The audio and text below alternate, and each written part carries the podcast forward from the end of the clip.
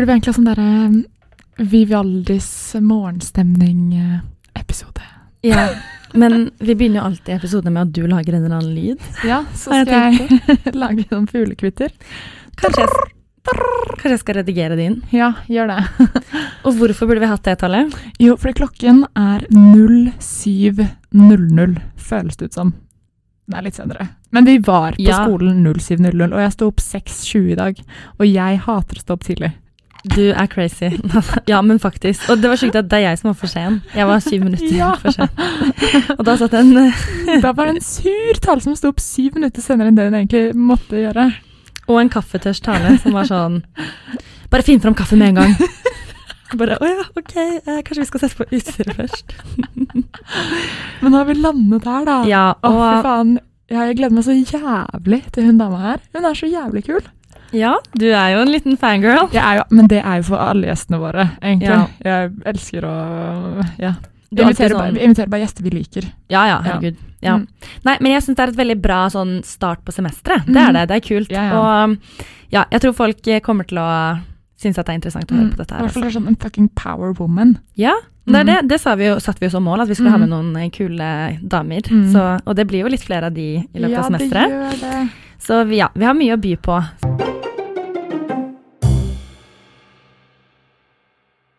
Jeg vil klippe dere mye? Vi pleier egentlig ikke å klippe så mye. Nei, men da, da, da, treng, da trengs det ikke. Nei. Hvis det er sånn eh, eh, uncut, holdt på å si. Ja, vi, vi, vi, prøver oss, vi prøver oss litt på det. Vi liker det best. Mm. Og du kan bare si sånn derre Å, nei, no, dette vil jeg ikke ha med. Eller noe Ja. sånn, liksom, hvis Ja, ja. du føler at du snakker deg bort, eller Ja. ja. Men vi liker å si det til gjestene våre, i hvert fall. At sånn, det er Mm. bare å Det går an. Du har muligheten, hvis du føler på det etter episoden i dag, så kan du også bare sende Ja. oss melding om du ja, vil høre igjennom. Men Mm. eh, vi skjønner at du sikkert ikke har tid heller, så vi, ja, vi skal prøve å ikke på en måte kutte unødvendig, holdt jeg på å si. Og så er det noe med at når man hører seg sjøl, så blir man aldri happy uansett. Nei, så det, det er the paradox of choice, faktisk. Hvis du har muligheten til å ombestemme deg, så angrer du mer. Masse Oi. psykologiske eksperimenter bekrefter det. Oi, Så det er lurt å ikke sette seg sjøl i situasjoner der man kan velge, hvis man tenker at det er ikke så nøye at jeg velger. Ok, da gjør jeg ikke det valget. Jo, men det er litt Gjør sånn beskytt hjernen. Uh, Så vi sier at vi er snille mot våre gjester, men du er egentlig sånn nei, dere burde egentlig ikke gi de valget om å ja. Moderne atferdspsykologi suggests at dere faktisk er ordentlig kjipe mot gjestene. Det er greit å vite, Danda. Åh, nei. Gøy. Men eh, skal vi spille inn Skal vi eh, lese introen? Vil du høre introen om deg selv, eller vil du helst eh, spare, spare deg for det? holdt jeg på å si? Jeg på å si Begge går fint, så hvis dere har lyst til å lese den inn, så kan dere gjøre det. Da. Ok, Skal vi gjøre det? Ja. Denne episoden har vi fått med oss førsteamanuensis Inga Strumke, som forsker på kunstig intelligens ved NTNU. Hun er en lynskarp, karismatisk dame som bl.a. har vunnet Forskningsrådets formidlingspris og gitt ut boken 'Maskiner som tenker', som vant fjorårets Bragepris. Ikke overraskende ble hun årets navn i akademia. At hun klarer å snakke om AI på en så underholdende og enkel måte, har gjort henne veldig populær. Hun har gjestet podkaster Nytt på nytt, God morgen Norge, Lindmo, Dagsnytt 18 og mer. Men selv om hun har en meget hektisk hverdag, så har vi vært så heldige å få litt tid med henne i dag. Og det er mye vi vil snakke om, så her er det bare å ønske henne hjertelig velkommen. Velkommen, Inga! Tusen takk for det. Takk, takk, takk. Herregud, for en intro. Um, greit Ja. å få en sånn oppdatering av livet sitt nå. Ja. Oppsummert hva du har gjort i år. Ja, har ikke engang. Nei, hvordan går det med deg i dag? Det går faktisk skikkelig bra. Jeg setter jo pris på, det kan kanskje nevnes, klokka er kvart på åtte. Ja. Og her sitter vi, så jeg setter pris på at dere gidder før natteforelesningene å møte meg. Nei, uh, hovedoverskrifta i mitt liv uh, det semesteret her er jo nyansatt førsteamanuensis skal lage introduksjonskurs i maskinlæring. Mm, Um, og vi, eh, hva det heter, eh, prospektivt så går vi ut ifra at mange kommer til å ha lyst til å ta et introduksjonsfag i maskinlæring. Ja. Så jeg sitter liksom litt sånn og bare hm, hva skal jeg lære de her studentene? Og litt sånn hm, føler meg som en prosjektleder. Ja. For det kommer til å bli mange studenter, mange vittasser og mange studaser. Mm. Så eh, det, det er faktisk tema i livet mitt i år. Undervisning. Og det er litt deilig. Ja. Ja, fordi det, du har det faget nå i vår. Nei, det går nå Nei, gud bedre, det har ikke gått. Nei, nei, nei. Nei, jeg har det faget i høst. Ja, det, så det er helt nytt i høst. Ja, Ja. så jeg har undervist litt sånn eksperter i team, og sånn um, liksom fag på masternivå, hvis det er lov å si det. Det blir faktisk første gang jeg skal undervise på bachelornivå, så det blir artig. Um, og jeg har jo bare vært førsteamanuensis, som betyr at jeg skal undervise, i, i under et år. Så det er litt artig at Idi bare Nei, men kan ikke du bare, kan ikke du bare lage et fag fra scratch? Det, Oi, det blir ja. gøy. Så det, det, blir, det blir gøy. Og i fjor følte jeg jo at jeg brukte litt for lite av tida mi på NTNU. Ja, ja. Her var det masse podkaster og TV og Det var, det var mye Oslo, liksom. Ja. Så deilig. deilig. 2024 det er liksom temaet er NTNU. Trondheim. Yes, Dyrke Ja. Trondheim litt. Ja. Mm. Ja, litt mer sånn ja, undervisnings... Altså ja, faktisk jobben din, på en måte. Faktisk jobben min! Det ikke kødd engang! Faktisk jobben min. Ja. Mm. Men ja. Um, vi har jo veldig mange gjester som uh, måte kan litt sånn forskjellig mye om AI og litt sånn. Uh, så uh, Mange publikumlyttere, ja. Ja. Mm. Eh, og så, Vi har i hvert fall lest boken din, som vi likte veldig godt. Jeg likte i hvert fall veldig godt boken din, fordi eh, Jeg òg. Jeg i hvert fall. fordi, fordi eh, Eller ja, vi kan jo si det at jeg studerer, eller begge to studerer Indøk med liksom eh, retning datateknologi, og så skal vi velge kunstig intelligens. Men det har vært litt sånn det har ikke vært så mye AI enda. Så helt ærlig så var denne boken på en måte mitt første ordentlige innblikk eh, i hva, hva det faktisk er. Så Mm. jeg syns det var en fin måte for meg å på en måte eh, eh, Ja, vekk Eller sånn skjønne litt mer hva det er jeg studerer. Fordi jeg har ikke lært om det helt enda. Ja, altså, Mm. jeg håper å si I can relate. Jeg husker Ja. jeg gikk jo fysikk, bachelor pluss master, og de første to årene var det bare matte. Ja. Så det føltes på tredjeåret som at bare Men jeg vet ikke hva, liksom, hva jeg må gjøre som fysiker. Mm. Uh, så det er det ene, at, um, og det, det tror jeg også NTNU kjenner litt på. At kanskje de, um, de fagene som liksom karakteriserer linja, kommer litt seint, fordi at man trenger så mange forkunnskaper. Um, og det prøver vi jo nå å fikse litt på ved å liksom putte et maskinlæringsfag på tredjeåret. Mm. Da, sånn at uh, studentene faktisk skal kjenne på hvordan det er, uh, i, i, i dette tilfellet, da, å jobbe med kunstig intelligens. Mm. For det er veldig mye snakk om det. Um, og jeg vet at det er mange der ute som tror at kunstig intelligens, ja, det er ChatGPT, det. Ja. Men det er, liksom, det er jo et helt fagfelt og massevis av metoder og så mange forskjellige ting man kan gjøre. Mm. Ja. ja, Ja. det er det. Ja, fordi du begynte jo Du har jo egentlig fysikkbakgrunn. Ja, har- veldig. Ja, ja veldig. Ja. Men så har du gått eh, ja, over på at eh, det er AI som er liksom din eh, ja, store passion. Og hvorfor, eller sånn, hva er det som fascinerer deg sånn med det? Ja, altså, jeg møtte kunstig intelligens uh, ja, gjennom å gjøre fysikk. Um, så det jeg gjorde uh, Jeg tok en eh, doktorgrad i partikkelfysikk. Og når man gjør partikkelfysikk, så må man analysere veldig veldig masse data som ikke gir mening for mennesker. Mm. Uh, fordi at det beskriver partikler på subatomært nivå. Altså Der har mennesker ingen intuisjon. Så må man analysere data. Og det her var i den perioden der maskinlæring virkelig begynte å funke, og virkelig ble kult, altså rundt 2015 en gang. Um, så jeg begynte å bruke maskinlæring bare som et verktøy for å analysere data.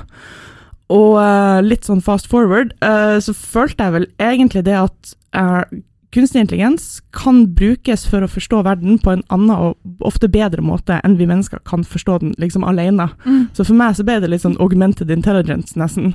Altså vi kunne finne partikler bedre og raskere og mer presist enn vi kunne med tradisjonelle statistiske metoder. Mm. Så for meg så var det inngangen, og det er fremdeles det jeg syns er kult med kunstig intelligens, at det er en annen måte å forstå virkeligheten på. Mm. Og så oppå det så kommer jo hele det her samfunnsperspektivet og politikk, og jeg har blitt så politikknerd. Ja, Men det passer veldig bra til oss, fordi vi er også det. Så Ja, ja, bra. Nei, for altså, hvordan, hvordan skal vi um, ja, hvordan skal vi bruke en potensielt ekstremt kraftig og transformativ teknologi, sånn at det fortsetter å gå bra i det her kaotiske systemet som er samfunnet? Ja. For altså, det er ingen som bestemmer, altså, det, er ingen, det er ingen som kontrollerer teknologi. Det er et sånt Mm. spørsmål som går igjen, kan vi kontrollere denne teknologien? Altså, helt alvorlig, finnes det, finnes det teknologi vi faktisk kontrollerer? Hvem, hvem sitter og kontrollerer det? Vi har jo ikke en verdensleder, liksom. Mm. Så, så det, det er veldig spennende. Ja. Og så er det liksom kunstig intelligens som treffer uh, både samfunnet i Norge, men også et verdenssamfunn Mm. og en storpolitikk Altså, Mm. det er bare det er til å få gåsehud av. Ja, ja, men absolutt. Jeg tror vi begge to har fått litt gåsehud av noen av de tingene eh, angående dette her, da, som vi leser om bl.a. i boken, men også andre steder.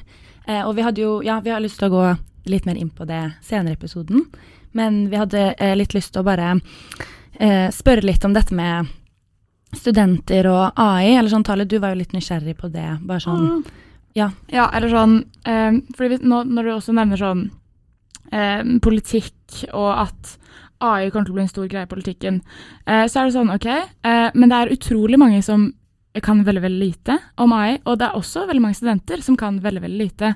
Eh, og når eh, AI på en måte kommer til å ta en større og større plass i verden vår, eh, så har i hvert fall jeg tenkt litt på sånn Hvor mye er det på en måte Hvor mye burde man kunne som student? Ja. Og liksom for å i det hele tatt være med i denne diskusjonen, eh, er det nok å ha lest boken din, eller liksom Hvor er det man skal legge seg? Det er jo Mm. Ja.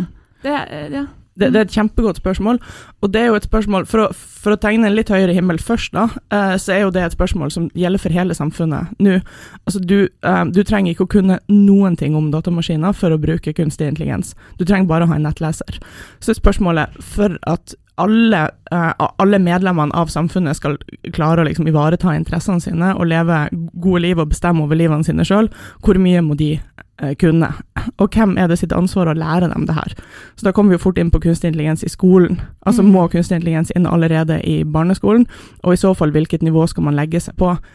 Jeg mener jo, men altså så klart jeg som representant for fagfeltet, jeg mener jo at man burde kunne en del om det her, fordi at Mm. jeg ser fra innsida hva potensialet her er for å prege liksom Mm. alle, alle sine liv, og industrien og offentlig sektor og forvaltning og absolutt alt. Mm. Og jeg mener jo f.eks. at hvis man tror at ChatGPT er en slags database eller en slags søkemotor, eh, så er man bare up for failure. Altså, jeg kjenner jo folk som har omtrent hatt beslutninger basert på ræl ChatGPT har skrevet, som Ja, bare ljug. Mm. Um, så, så jeg tenker jo at man, man burde egentlig vite Mm. hva en stor språkmodell er. Mm. Men liksom, hvilket nivå skal man legge seg på? Og det, det, det har vi jo ikke klart å lande på, på i, i et samfunnsperspektiv. Og det hadde vært litt rich hvis jeg kommer inn som liksom, ah, førsteamanuensis fra NTNU og bare Sånn her skal vi gjøre det i samfunnet, kolon. Det går ikke. Um, det, som, det som er, tenker jeg, fint når man er i den posisjonen at man studerer ved NTNU, og kanskje særlig på Gløshaugen, Mm. det er at man har forutsetninger for å forstå det her. Eh, I mye større grad enn liksom mannen eller damen i gata. Og da tenker jeg Hvis man har muligheten til å forstå bedre, um, så er det et rart valg å ikke prøve å Mm. forstå mer. Ja. Ja. Så, så jeg er nok enig med vår tidligere rektor da hun sa under immatrikuleringa at alle på NTNU må prøve å forstå det her, Mm. eh, og da underforstått bedre enn eh, kanskje alle de andre i samfunnet. Mm. Ja, ok, vi har et lite ansvar der, eh, Ja, men faktisk. da. er det å Mm. ta fag, da, liksom? Eller lese seg opp på det? Ja, altså akkurat nå, jeg, jeg mener jo at vi burde ha et fag som heter liksom AI for ikke-AI-ere, eller, Ja, eller noe sånt. ja. AI for, for ikke-datafolk. Ja, det det- finnes jo mange av de. Ikke sant? Ja. Og det, ja, ikke sant, det finnes medisin for Ja. ikke-medisinere, for pokker. Um, Det tok tale før jul. ja, jeg prøvde det, og så strøyk jeg. Orker jeg ikke å prøve en gang til. De har gjort det lettere nå, da. Så du kan prøve på nytt nå. Ja, Du, jeg trenger ikke det der lenger. vil ikke ha det.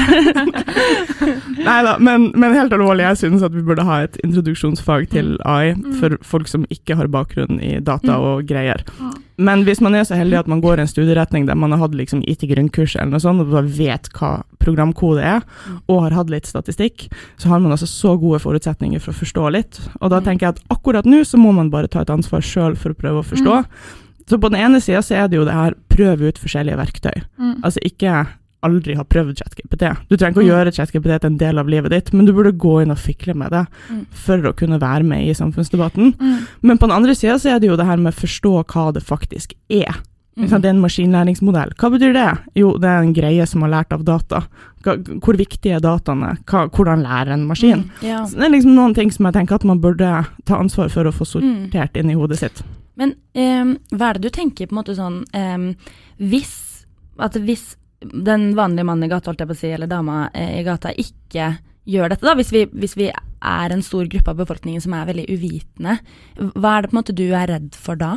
Hvis du skjønte spørsmålet? Ja, jeg skjønner absolutt spørsmålet. Fordi, ok, du kan si at maskiner eh, har allerede en stor plass i livet vårt. Altså Moderne mennesker fungerer ikke uten maskiner.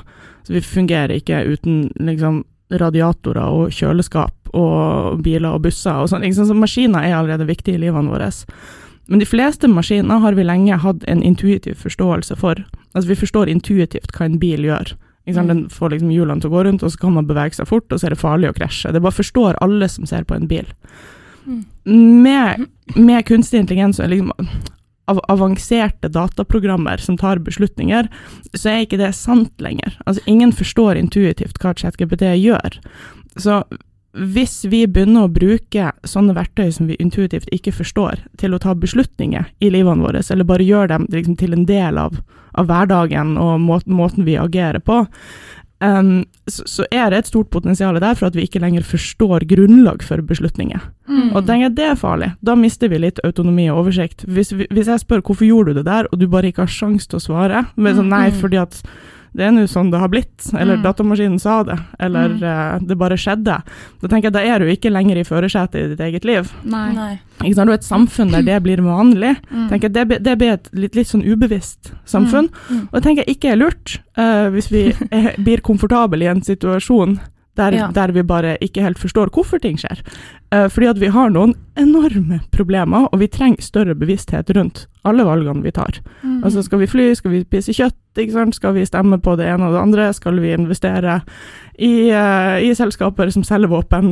Ikke sant? Altså, ja. Altså det er så mm. mange vi, vi, trenger mer og mer bevissthet, ikke mindre og mindre bevissthet. Mm. Ja. Og her, her utfordrer jo AI-teknologi oss. At, ja, ja, fordi, men AI er jo med på vi skjønner jo ikke hvor det kommer fra. Nei, nettopp. Ja. Det er jo helt krise. For det her er, det, det her er ikke sorte hull og kvantefeltteori, liksom. Det her er teknologi mennesker har skapt. Ja. Sånn, så det er, ikke, det er, ikke, mystisk, det er ikke umulig å forstå.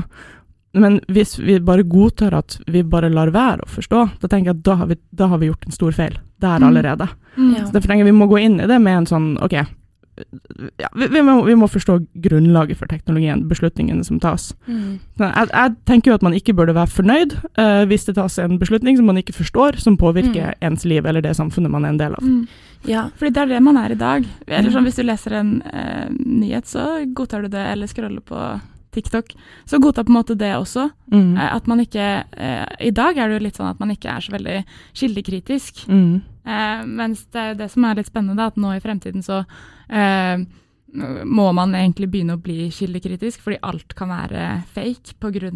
AI. Mm. Og da kanskje man ja, må begynne å eh, Ja, sånn, ja. Ja, ja.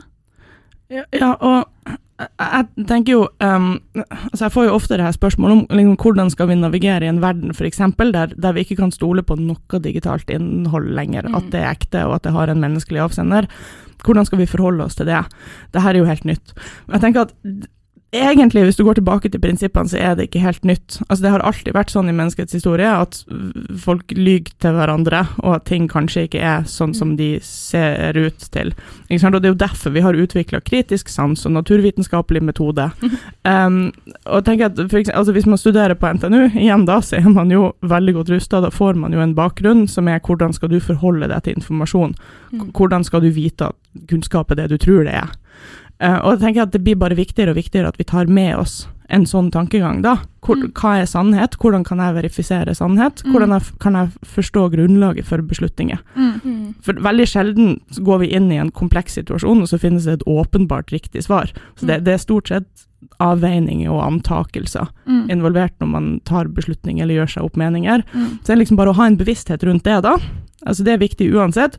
Og så er det liksom enter en avansert teknologi som de fleste ikke forstår, da blir det hele litt mer utfordrende, mm. men ikke umulig.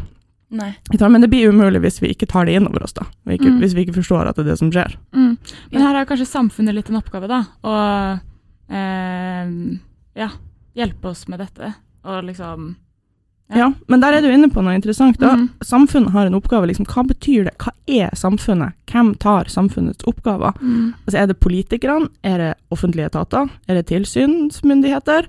Eller er det alle individene som utgjør samfunnet? Ja. Liksom, Hvem har oppgaven her? Mm. mm. Og én ting jeg lærte i fjor, så er det det at um, hvis du ser noe du mener må gjøres eller må tas tak i, så hjelper det ikke å bare kaste det ut der. Du må liksom identifisere hvem det er som har ansvaret for det. Mm. Hvis ikke er alle bare veldig enige om at ja, ja, det må gjøres, men så er det ingen som liksom tar det.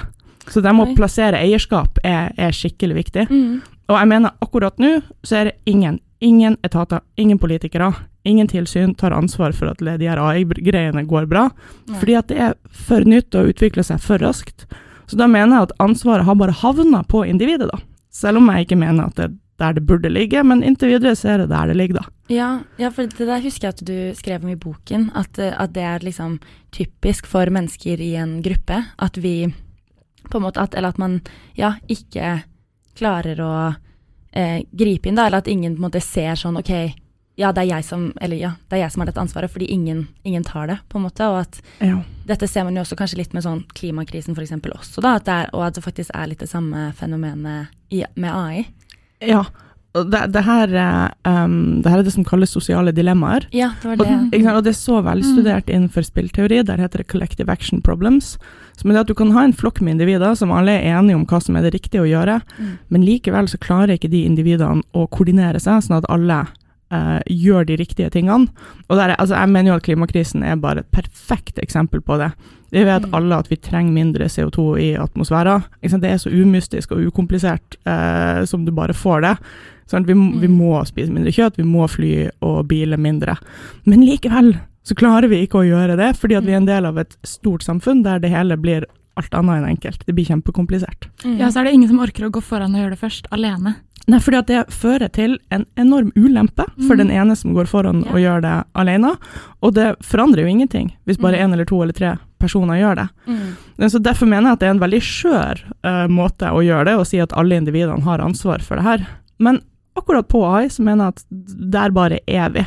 Mm. Alle kan, alle kan bruke ChatGPT, og da har alle et ansvar for å bruke det på en sånn måte at de ikke blir dummere eller kommer dårligere ut av det. Mm. Selv skoleelever Dessverre. Og det er jo helt sykt. Folk, folk som ikke er myndige, som ikke kan kjøpe Ja. alkohol engang, skal liksom ta ansvar eh, for at de bruker AI riktig. mm. Eh, Det er helt spinnvilt, men akkurat, Mm. akkurat nå er vi i en tid da, der det bare er sånn.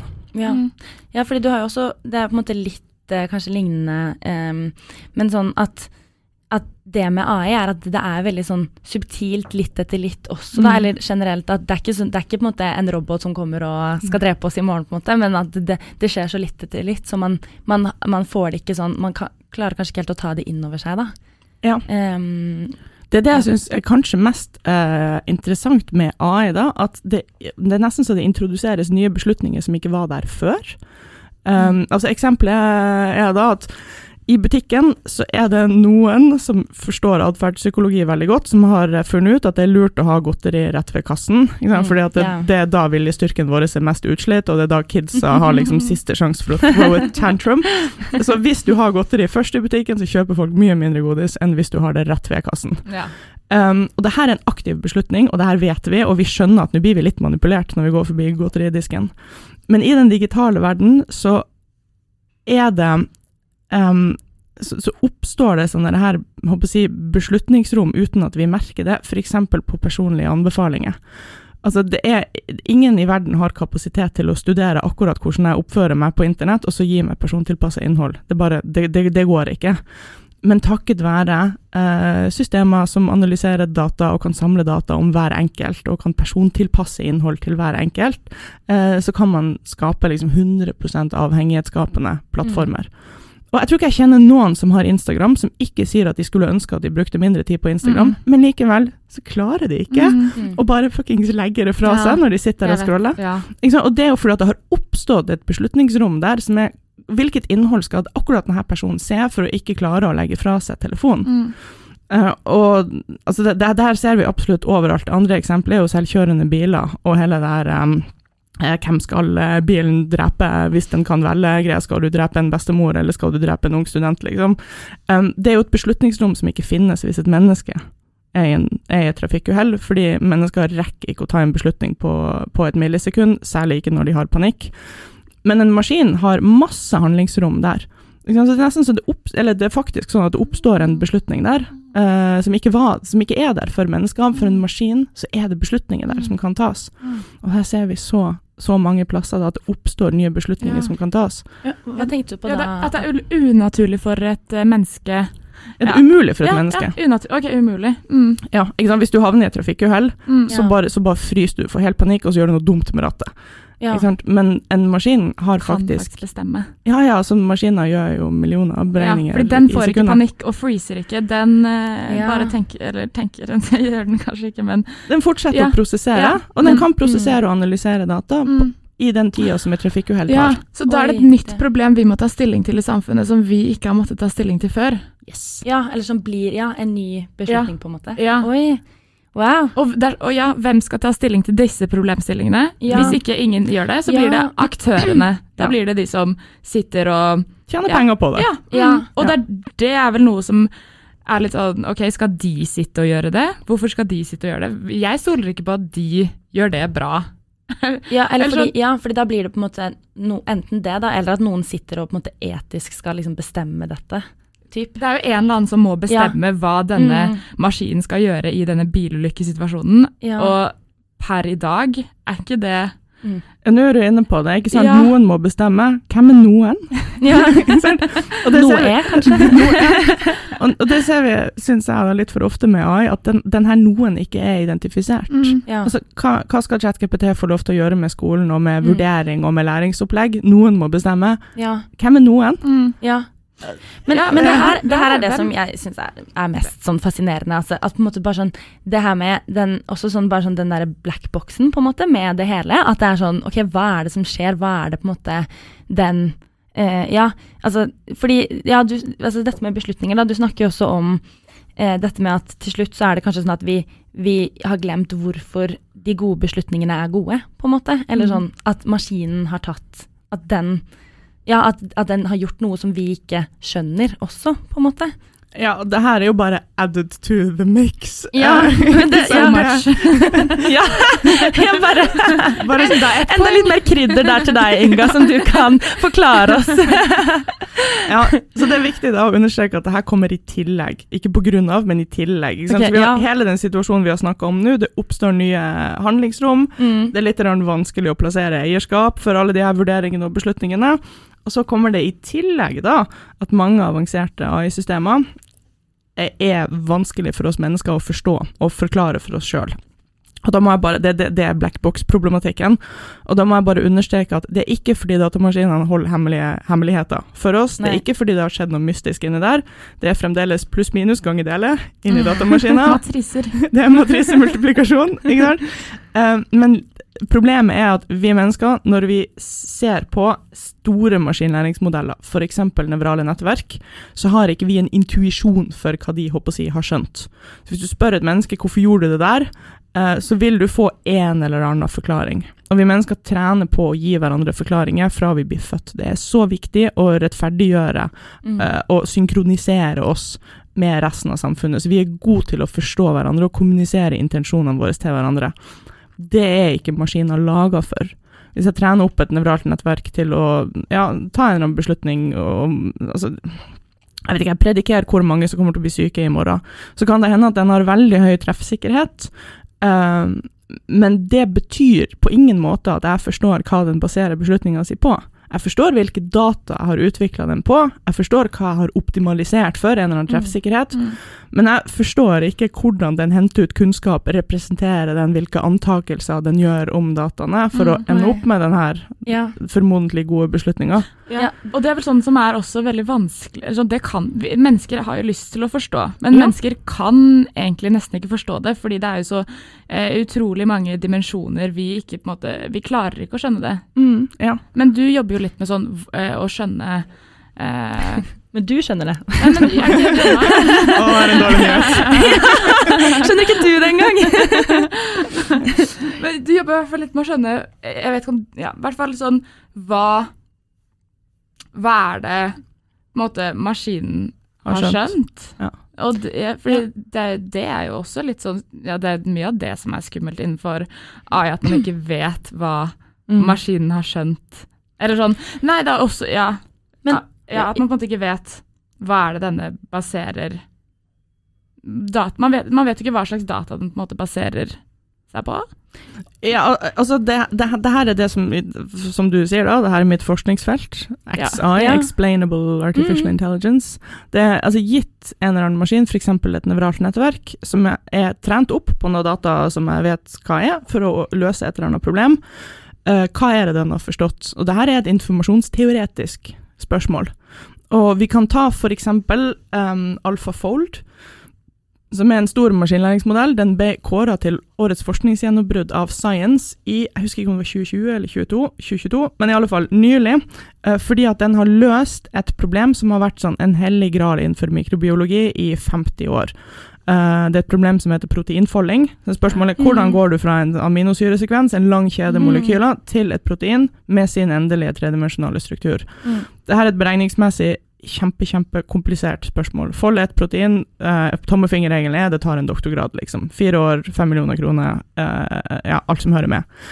Så, så utvikla, eh, jeg tror det var DeepMind, som nå er eid av Google, utvikla en maskinlæringsmodell som bare liksom skjønte proteinfolding, da. Mm. Så en har forstått et eller annet om kreftene som virker inni molekyler, som vi mennesker ikke har forstått. Mm. Vi mennesker må eh, simulere og bruke labben, og for oss er det veldig beregningstungt. Og den gjør liksom nå matrisemultiplikasjon, og ut kommer riktig proteinform. Mm. Så, så hva har den skjønt om mikrobiologi som vi ikke har skjønt? Er det en ny naturlov inni der? Ingen vet. Så det er et informasjonsteoretisk Mm. spørsmål. da. Hvordan Mm. kan denne informasjonen, som finnes der i form av masse Mm. matriser, hvordan kan den representeres sånn at den gir mening for oss mennesker? Mm. Så Det er liksom forskningsspørsmålet, da.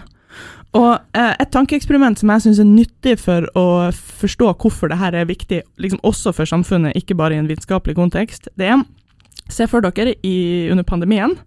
eh, hvis eh, Erna Solberg og Bent Høie da hadde fått tilgang til et nevralt nettverk, en eh, svart boks rett fra himmelen, som kan predikere hvor mange som kommer til å være syke og trenger å bli lagt inn dagen Oi. etterpå.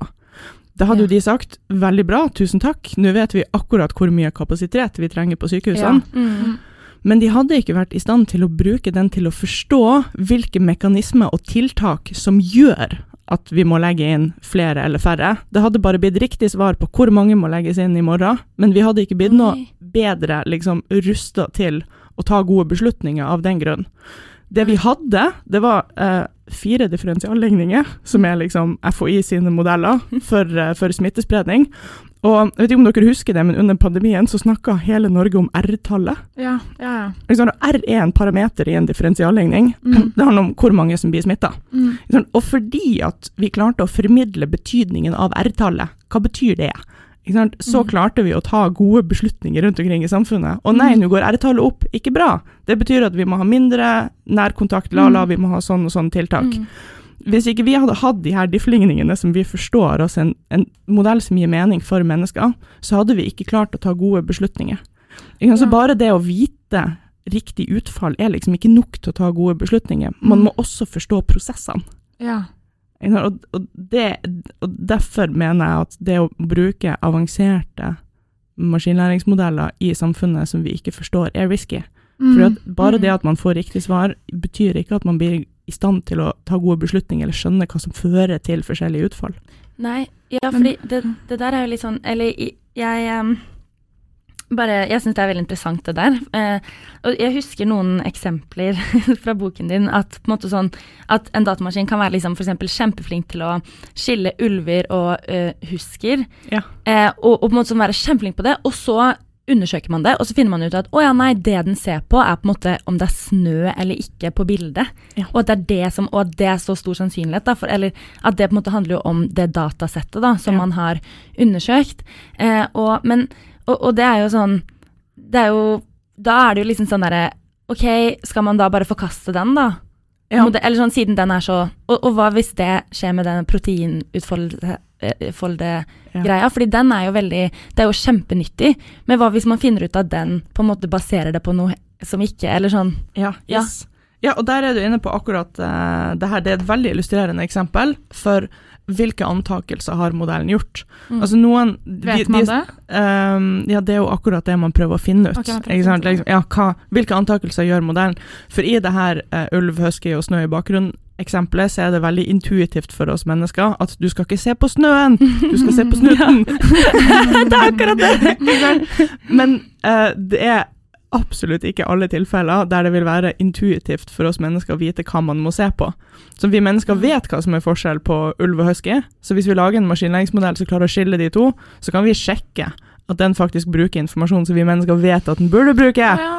At den ikke ser på snøen. Snøen er en såkalt spuriøs korrelasjon. Mm. Ofte er det snø i bakgrunnen der det er ulv, men det er ikke sånn at hvis du tar bort snøen, så slutter det å være en ulv, og så begynner det å være en husky i stedet. Sånn er det ikke. Mm, Så hvis vi bruker maskiner til å løse problemer som vi mennesker faktisk ikke forstår, så er det mye vanskeligere for oss å sjekke om det er sprøse korrelasjoner den baserer seg på, om den har antatt at snø er viktig når det ikke er det. Ja.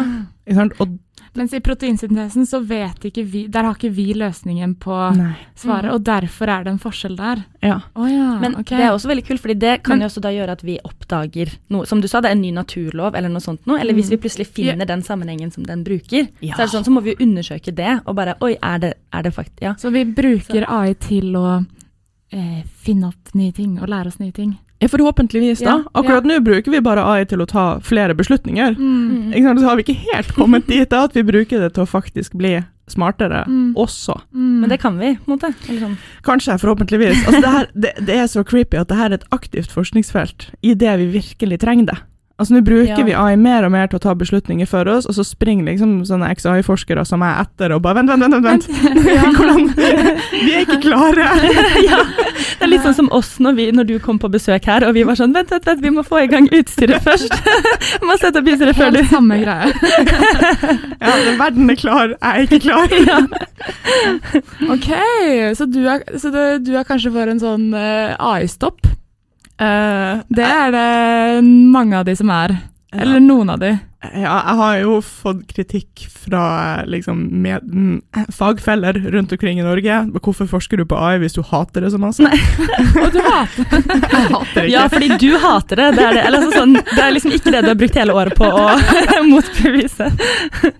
Ah. Nei da, men jeg har jo vært ganske kritisk der ute. Mm. Og sagt liksom sånn her kan vi ikke holde på, vi må regulere.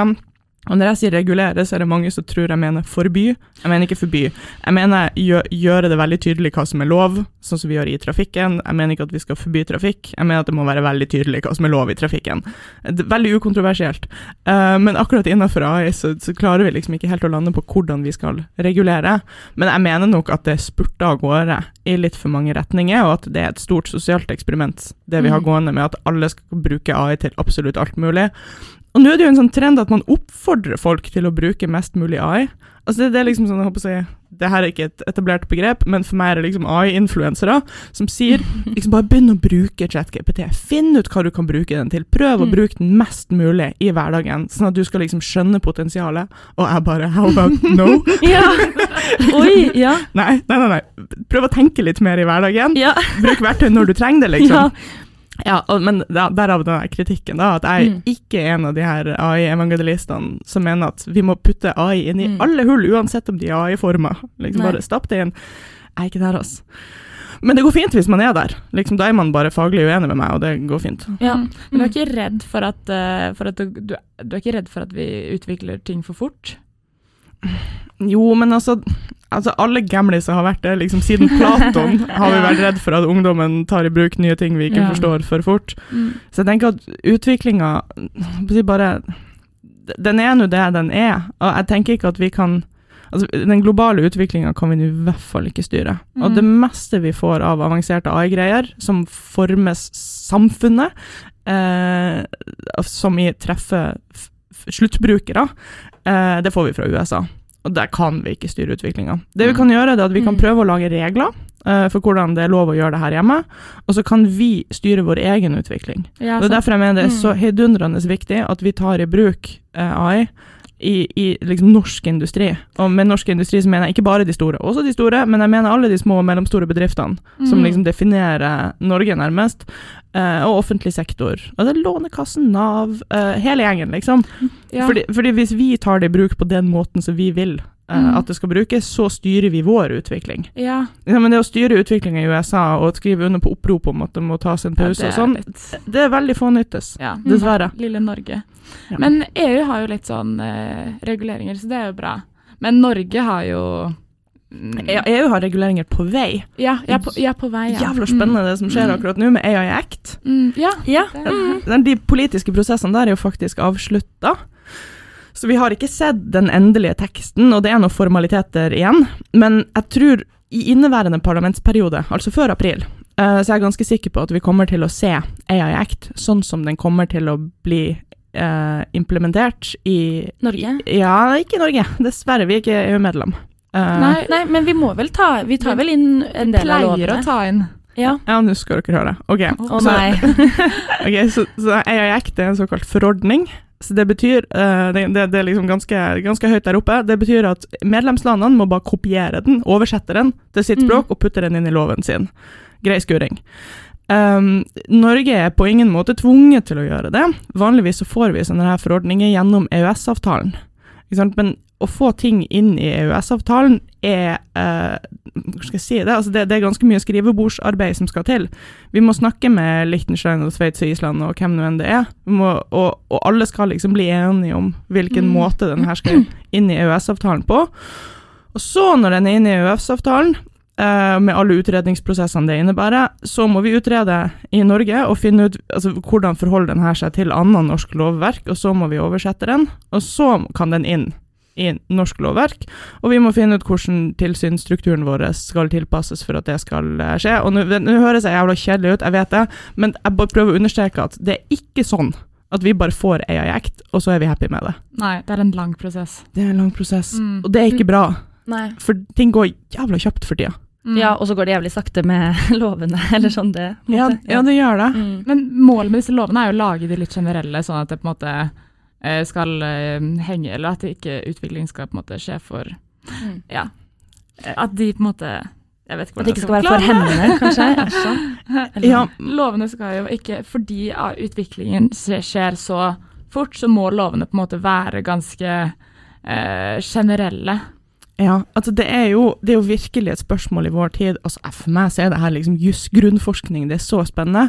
Hvordan skriver du reguleringer for en utvikling som går veldig raskt, og som du ikke kan forutse i det hele tatt? Eh, og der har eh, s- smarte jurister i Brussel har sagt at da må man skrive, som du sier, Mm. eh, et lovverk em, der liksom intensjonene er veldig tydelige, altså ver verdiene er klinkende klare, em, men der loven er nødt til å tolkes i den konteksten og akkurat på den teknologien som den da blir aktuell for, som vi ikke kan se komme. Mm. Um, og det var det her de gjorde i GDPR, altså det som ble personvernforordninga i Norge. Og vi ser at det er Ja da, den gjør reguleringa på noen måte sånn future-proof, altså gjør at den ikke blir utdatert når det kommer ny teknologi, men den gjør det fryktelig vanskelig å bruke, fordi at det skal så mye tolkningsarbeid til, da. Så det skal liksom erfarne jurister og kanskje en dom og i det hele tatt til for å finne ut hvordan loven forholder seg til spesifikke tilfeller. Mm. Og det har dessverre endt opp med å bli litt sånn en innovasjonsbrems i EU. Mm. Og så ser vi at jo større et selskap er, jo mer penger de har til jurister, jo lettere klarer de å tolke loven i sin favør. Ja, fordi var det ikke et eller annet med Instagram at altså den der AI Ja, ja, at den AI Act egentlig hadde på en måte for, forbydd Instagram fra å gjøre mye av det de holder på med, men at sånn De er jo også veldig svære, Ja. så på en måte kommer EU virkelig til å skulle forby Instagram. Altså sånn Det er jo kanskje vanskelig å se for seg også. Ja, det er et veldig interessant spørsmål, for sånn som jeg leser AI Act, så kommer Instagram i nåværende form eh, til å være eh, et, et uakseptabelt system, Mm. fordi at det ser ut til å være manipulativt og kunne gjøre faktisk fysisk skade på folk. Hvordan da? Eh, de, mest konkrete studiene viser at hvis man har um, tilbøyelig til en eller annen mental uh, lidelse, spiseforstyrrelse, så forsterker Instagram det, nettopp pga. persontilpasninger. Hvis man har en litt tilbøyelighet f.eks. til anoreksi, så scroller man saktere forbi bilder av uh, Finnsbo, som det heter. Uh, det snapper jo systemene opp, og det gjør at man får mer og mer, og, altså i kvantitet, men også mer og mer ekstremt eh, innhold. eh, som inspirerer deg til å bli på en måte bare tynnere og tynnere og mer og mer usunn. Mm. Så det kan i ytterste konsekvens føre da til fysisk skade på personer, og er jo manipulasjon. Mm. Um, så jeg, jeg ser ikke hvordan Instagram, sånn som de holder på nå, kan være lov under ei jekt.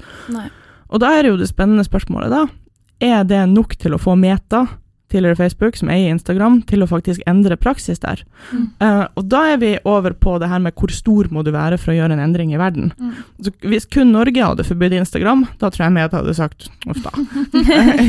Men hvis hele EU Altså EU, Vi er ikke mest mennesker i verden, men vi er, Uh, vi er et enormt marked uh, Mm. in terms of kjøpekraft. Ja, ja.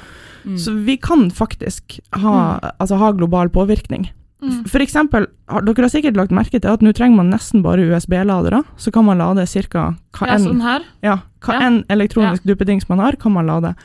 Um, det er fordi at EU sa at det at alle sammen skal ha sin custom-lader, fører til for mye elektronisk avfall. I Mm. EU så må du faktisk, hvis du skal selge forbrukerelektronikk, så må det være USB-lader på det. Så dette er EU sin eh, det. Takk EU, ja. Og det har blitt, det har blitt en global standard. Og Mm. Apple Det er så bra. Ja. For de, ja, de er jo de verste på det der. penger, oh, Ja. med de iPhone-laderne. Ja, de ja, ja, ja. Nye hvert år. Mm, yes, og Apple bare nei, nei, nei, det her kan dere ikke gjøre, vi kommer til å gå konkurs og Mm. miste konkurransefordel, og det er ikke måte på. Så sier jeg jo, jo, USB-ladere, hør på Mm. oss her nå. Og Apple ser jo ut til å liksom globalt faktisk eh, føye seg, og Mm. bare kjøre USB-ladere. Så, Ja. ikke sant, så er jo fordi at vi er et så stort marked med så stor Mm. kjøpekraft, så ser det ut som vi faktisk kan føre til globale endringer. Ja, vi har faktisk påvirkningskraft. Men, Yes. Mm. men jeg må bare, kan jeg bare stille, Fordi nå må jeg bare Men jeg må bare si, da må Norge inn i EU, da. Eh, mhm, Jeg har blitt beskyldt for å si det, og da må jeg bare si at hele EU-debatten er så stor at der har ikke jeg oversikt. Men jeg mener at teknologipolitikk burde få en mye større plass i hele EU-debatten. Mm. EU-debatten handler veldig mye om fisk. Ja, fisk. Og det er greit, fisk er viktig for Norge, men teknologipolitikkperspektivet, særlig Ja. nå i disse øh, h- harde AI-dager, uh, burde bare bli et mye viktigere perspektiv da, i Mm. EU-debatten. Ja. Jeg kan si det sånn. Ja, men det er jeg enig i, ja, for det er jo på en måte ja, fisk som man snakker om som en av de særnorske interessene, og landbruk, på en måte, men også sånn teknologi er jo også viktig at vi Fordi vi, vi ja, teknologi er vegaviktig. ja, ja, fordi vi har jo ikke så mye påvirkningskraft, bare oss. Så Nei. det er på en måte viktig Mm. at vi er en del av ja, EU. Fordi Apropos dette med sånn påvirkningskraft, så må jeg bare spørre på en ting som jeg har lurt veldig på og tenkt mye på. sånn Ehm, fordi du sier jo at ja, vi har jo mye uh, kraft, kjøpekraft i EU, og vi kan si sånn nei, vi vil ikke, vi vil forby Instagram f.eks.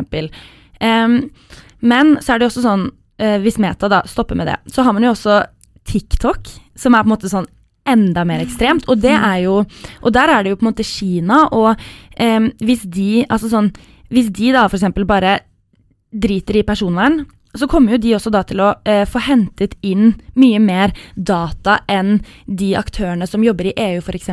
Og da vil ikke de da kunne lage mye måte, bedre produkter. Altså sånn, Litt det paradokset der da, som jeg er litt bekymret for. At ok, hvis de plutselig da har en kjempebra liksom, helseduppedings som de har klart å utvikle fordi de ikke bryr seg om personvern, og derfor har mye bedre datagrunnlag enn utviklerne i EU, er ikke det på en måte sånn hva, altså sånn, Det er noe som jeg som liksom holder meg våken om natten, holdt jeg på å si. Bare sånn det her, Så ja, jeg vil gjerne spørre deg hva du tenker om det. Ja. Du, du er absolutt ikke den eneste som er våken om natta pga. det, det her. og, nå er vi jo inne på storpolitikk, da. Så hvis jeg får lov til å overforenkle litt og virkelig understreke det her er en overforenkling, så kan Ja. du si at um, AI-utviklinga i USA den er primært markedsstyrt. Altså den, den er for si, økonomisk vekst, og det er industristandarder som gjelder. Forenkla. EU har en mer sånn menneskesentrert eh, tilnærming, sier at teknologi skal komme mennesket til gode. Så Kina har en mer sånn statsorientert eh, tilnærming. Altså Mm. AI skal egentlig skal komme storsamfunnet og staten og regjeringa til gode. Så de bruker jo også AI til, eh, til menneskelig kontroll, da, til å kontrollere innbyggerne sine. Mm. Og du kan si at det har ført til et overvåkningssamfunn uten like i Kina, men det har også ført til et veldig trygt samfunn. Altså det er nok mange kinesere som, Mm. vil, som liker systemet, som vil si at ja, men jeg føler meg helt trygg, det her bekjemper kriminalitet og Mm. forebygger kriminalitet som bare det. Jeg blir belønna for god atferd som er bra for meg. Okay. Og Kina, ikke sant, hvis de bare samler inn uh, helsedata som er sensitive personopplysninger, som GDPR som gjelder i EU er kjempestrengt med, så vil de så klart ende opp med masse mer data som de kan bruke til å lage f.eks. gode helseapper. Mm. Og da er vi inne på en etisk veldig vanskelig avveining, det her mellom frihet og trygghet. Mm. Vil jeg være helt fri Mm. selv om det går på bekostning av tryggheten min, eller vil jeg være helt trygg, men da kanskje ikke ha så mye frihet igjen. Mm. Så det her er en balanse som vi er nødt til å finne.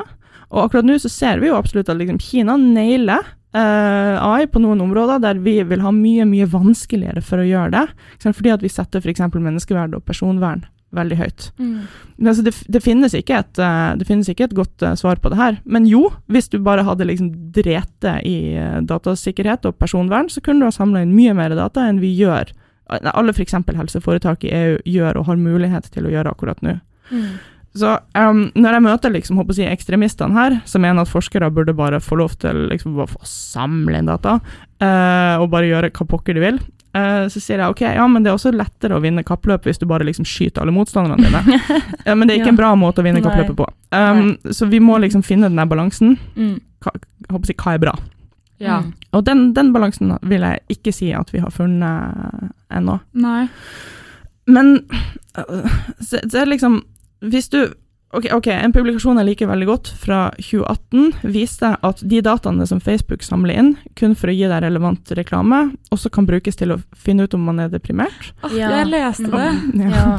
Ja. Det er helt hysterisk. Tre måneder før en lege Ja, så Ja. tre måneder før det diagnostiseres klinisk, så kan du se i atferdsdata som vi slenger fra oss på Facebook, uh, at noen er deprimert. Det betyr ikke at Facebook er ute etter å finne ut om vi er deprimert, og så eh, manipulere oss når vi kanskje er i en manisk fase av en depresjon, kan jo en. Men det at informasjon finnes der, betyr at den potensielt kan brukes på en skadelig, manipulativ, uetisk måte. Mm. Så da er vi tilbake på det her med at hvis du samler inn drøssevis med data og trener opp en maskinlæringsmodell på det, hvordan skal du vite at den ikke utnytter svakheter? Da er vi tilbake på det her med forståelse, da. Og, ikke sant, og det her fagfeltet da, Mm. der vi prøver å forstå hva maskinlæringsmodellene har skjønt. Og her går det ikke like fort som Mm. utviklinga går. Altså Grunnforskning går sjelden like fort som nye produkter kan lanseres. Mm. Så, så vi er i en limbo. Ja. ja, ja, og også absolutt bare sånn hvis det plutselig da er lønnsomt da, å vite at noen eh, blir depressive, fordi da kan du introdusere liksom antidepressiva, eller altså sånne type ting. Da. Det, det er jo liksom, fordi det har jo du også snakket om dette med at det er jo en økonomi i dette, og når det Mm. er måte frie markedskrefter, så er det jo så, så måte, Det bremser jo også den derre etiske eh, tingen, da, fordi at da, sånn, da, da blir det jo på en måte sånn Ok, her er det økonomiske interesser, så da, da ja, kan man fort bli utnyttet på det. Eller Ja. det syns i hvert fall jeg er veldig skummelt, da. Ja, og jeg har jo blitt litt sånn Greta Thunberg eh, i diverse diskusjoner, fordi at jeg mener at det, det problemet som henger over alt det her, som ikke er et AI-problem, det er den økonomiske vekstmodellen. Mm. Vi har ingen økonomiske modeller eh, som vi får til å funke for oss, som ikke eh, baserer seg på økonomisk vekst. Mm. Jeg mener at Så lenge økonomisk vekst i praksis er det overordna målet vårt, så vil andre eh, interesser lide. Ja. Mm. Og Dag Hessen sa det så klokt en gang, at markedet er en god tjener, men en farlig herre. Mm. Og jeg mener at markedet, markedskapitalisme, har nok blitt litt sånn vår herre Mm. nå. Ja, ja. Altså, det er det som gjør at det, at det er innafor å manipulere folk Mm. eh, Ja, på sosiale medier. Ja. Ja, bare det der lov å Eller sånn målet er å ha folk der så lenge som mulig, på en plattform så lenge som mulig. Da Det er veldig ubehagelig å tenke på. Ja, for det fører jo ikke til gode liv, Nei, men, ikke sant, men det, mer fører, penger. det fører til økonomisk vekst. Mm. Ja. Sant? Men vi har ingen økonomiske modeller som optimaliserer for gode liv. Nei. Og som jeg pleier å si da, det høres jeg virkelig ut som Greta Thunberg, men altså kapitalisme er en god optimaliseringsalgoritme. Absolutt. Og den har fungert kjempegodt i liksom mange Mm. tiår nå. Men jeg mener jo at det er på tide å ta en større diskusjon her. Hva prøver Mm. vi å optimalisere for? For er det Mm. noe som optimaliserer, optimaliserer godt, så er det AI-systemer. Vi må være Ja. careful what you Ja. optimize for. Ja, ja, ja, men faktisk Så, veldig. kan man, så man kan begynne med sånn derre optimalisere for lykkelige liv. Ja, lykke til. Ja, det er, det. Det, er jo, ja, det er jo kjempevanskelig å få en AI, for da må du få det på, over på matematikkform. Ja. Ja. eller jeg bare tenkte mer sånn Ok, den her økonomien, det er jo på en måte dårlig for så utrolig mye. Ok, Det er dårlig for at man skal tjene så mye som mulig, det er dårlig for klima, det er dårlig for oss mennesker. Altså sånn Man må Ja.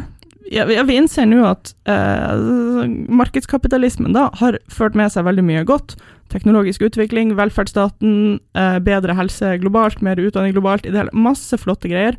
Men vi ser også at det fører med seg potensielt da den største økologiske katastrofen i menneskets historie. Mm. Så vi må liksom begynne å innse da at all, all, all den her eh, velferden og all veksten og fremgangen og alt det her gode vi har, har en skyhøy pris. Mm. Og, og kanskje, jeg tror da, uh, lever vi nå i den tida der vi må si uh, OK, vi er faktisk nødt til å endre kurs fundamentalt. Mm. Men det er vondt og vanskelig.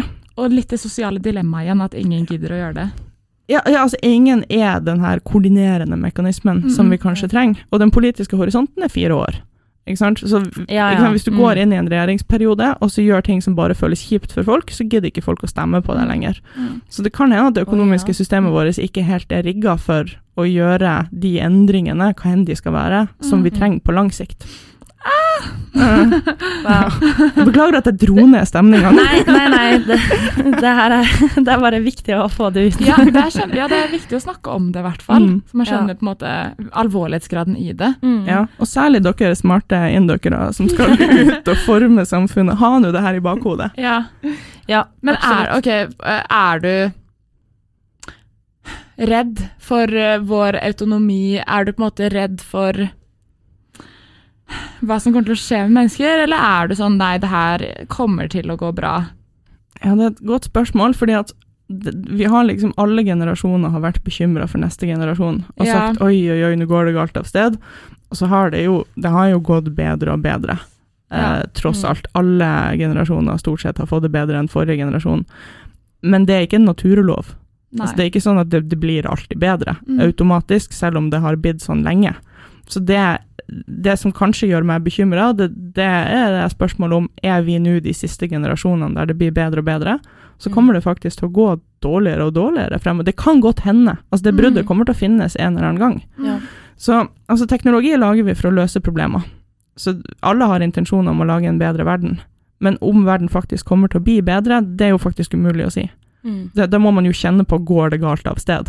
Mm. Og det, det er jo opp til oss nå, da, som har liksom stemmerett, og mange Mhm. inndøkkere kommer til å ende i lederposisjoner. Det er jo vårt ansvar da å si ok, men går det galt av sted? Mm. Kan, vi, kan jeg med den makta jeg har, styre utviklinga i, Mm. i en bedre Mm. retning? Ja. Og i hvert fall et av de første stegene er jo sånn som du har gjort nå, da, å på en måte rette oppmerksomhet til AI, snakke mer om det og bare vise folk at dette er noe som er utrolig viktig å diskutere i det hele tatt. da. Mm. Ja, Og bringe det opp til samfunnsdebatten. Mm, absolutt. Ja. Mm. Ah, tiden eh, Jeg har fulgt litt med på den, og den har flydd. Og eh, vi vil jo bare rekke å komme gjennom alt. Eh, men sånn for å avslutte, så tenkte jeg, er det noe du, er det noe du vil liksom si til studenter da, når det kommer til AI? Er det på en måte Ja, sånn nå som du har muligheten til å nå ut til noen studenter, holdt jeg på å si. Ja, ja, herlighet, det er jo å være nysgjerrig. Mm. Altså, teste ut ting, og alltid, alltid stille spørsmålet hvorfor. Hvorfor er det beste spørsmålet i universet? Hvorfor? Ja. Hæ?! har dere hatt en Ja, eller jeg stiller alltid hvorfor-spørsmål. Sånn, hvorfor det, hvorfor det? Og så har folk sånn taleslutt. Men jeg elsker å stille spørsmål. Det er sånn der, Du har ikke skjønt noe på skolen før du har vært gjennom talesilen, og det er hvorfor, hvorfor, hvorfor? og da er det sånn, hvorfor det da, hvorfor det da? Og da, da liksom, Hvis du kommer gjennom talesilen, da vet du, da har du Ja. skjønt et konsept. Så Martine har kalt meg pedantisk, og det er på en måte et negativt ladd ord fordi jeg stiller så mange spørsmål. Men nå har Inga Strumke sagt at det bare bare bra. Jeg kommer aldri til å neste få gang fred. jeg stiller masse spørsmål, så går det greit. Ja, men virkelig gjør det. Gå ut, vær nysgjerrig, prøv de verktøyene, og så bare «Hvor- hvorfor, hvorfor sa ChatGPT det her? Og så hvorfor, uh, hvorfor, hvorfor skal jeg gjøre det her? Uh, hvordan funker det? Hvorfor funker det sånn som det gjør? Så bare grav. Nysgjerrighet. Inga, du skjønner ikke hva du har gjort mot meg. Beklager. Nei. Klage kan sendes på e-post. Ok, men Vi har også en fast spalte, da. Mm.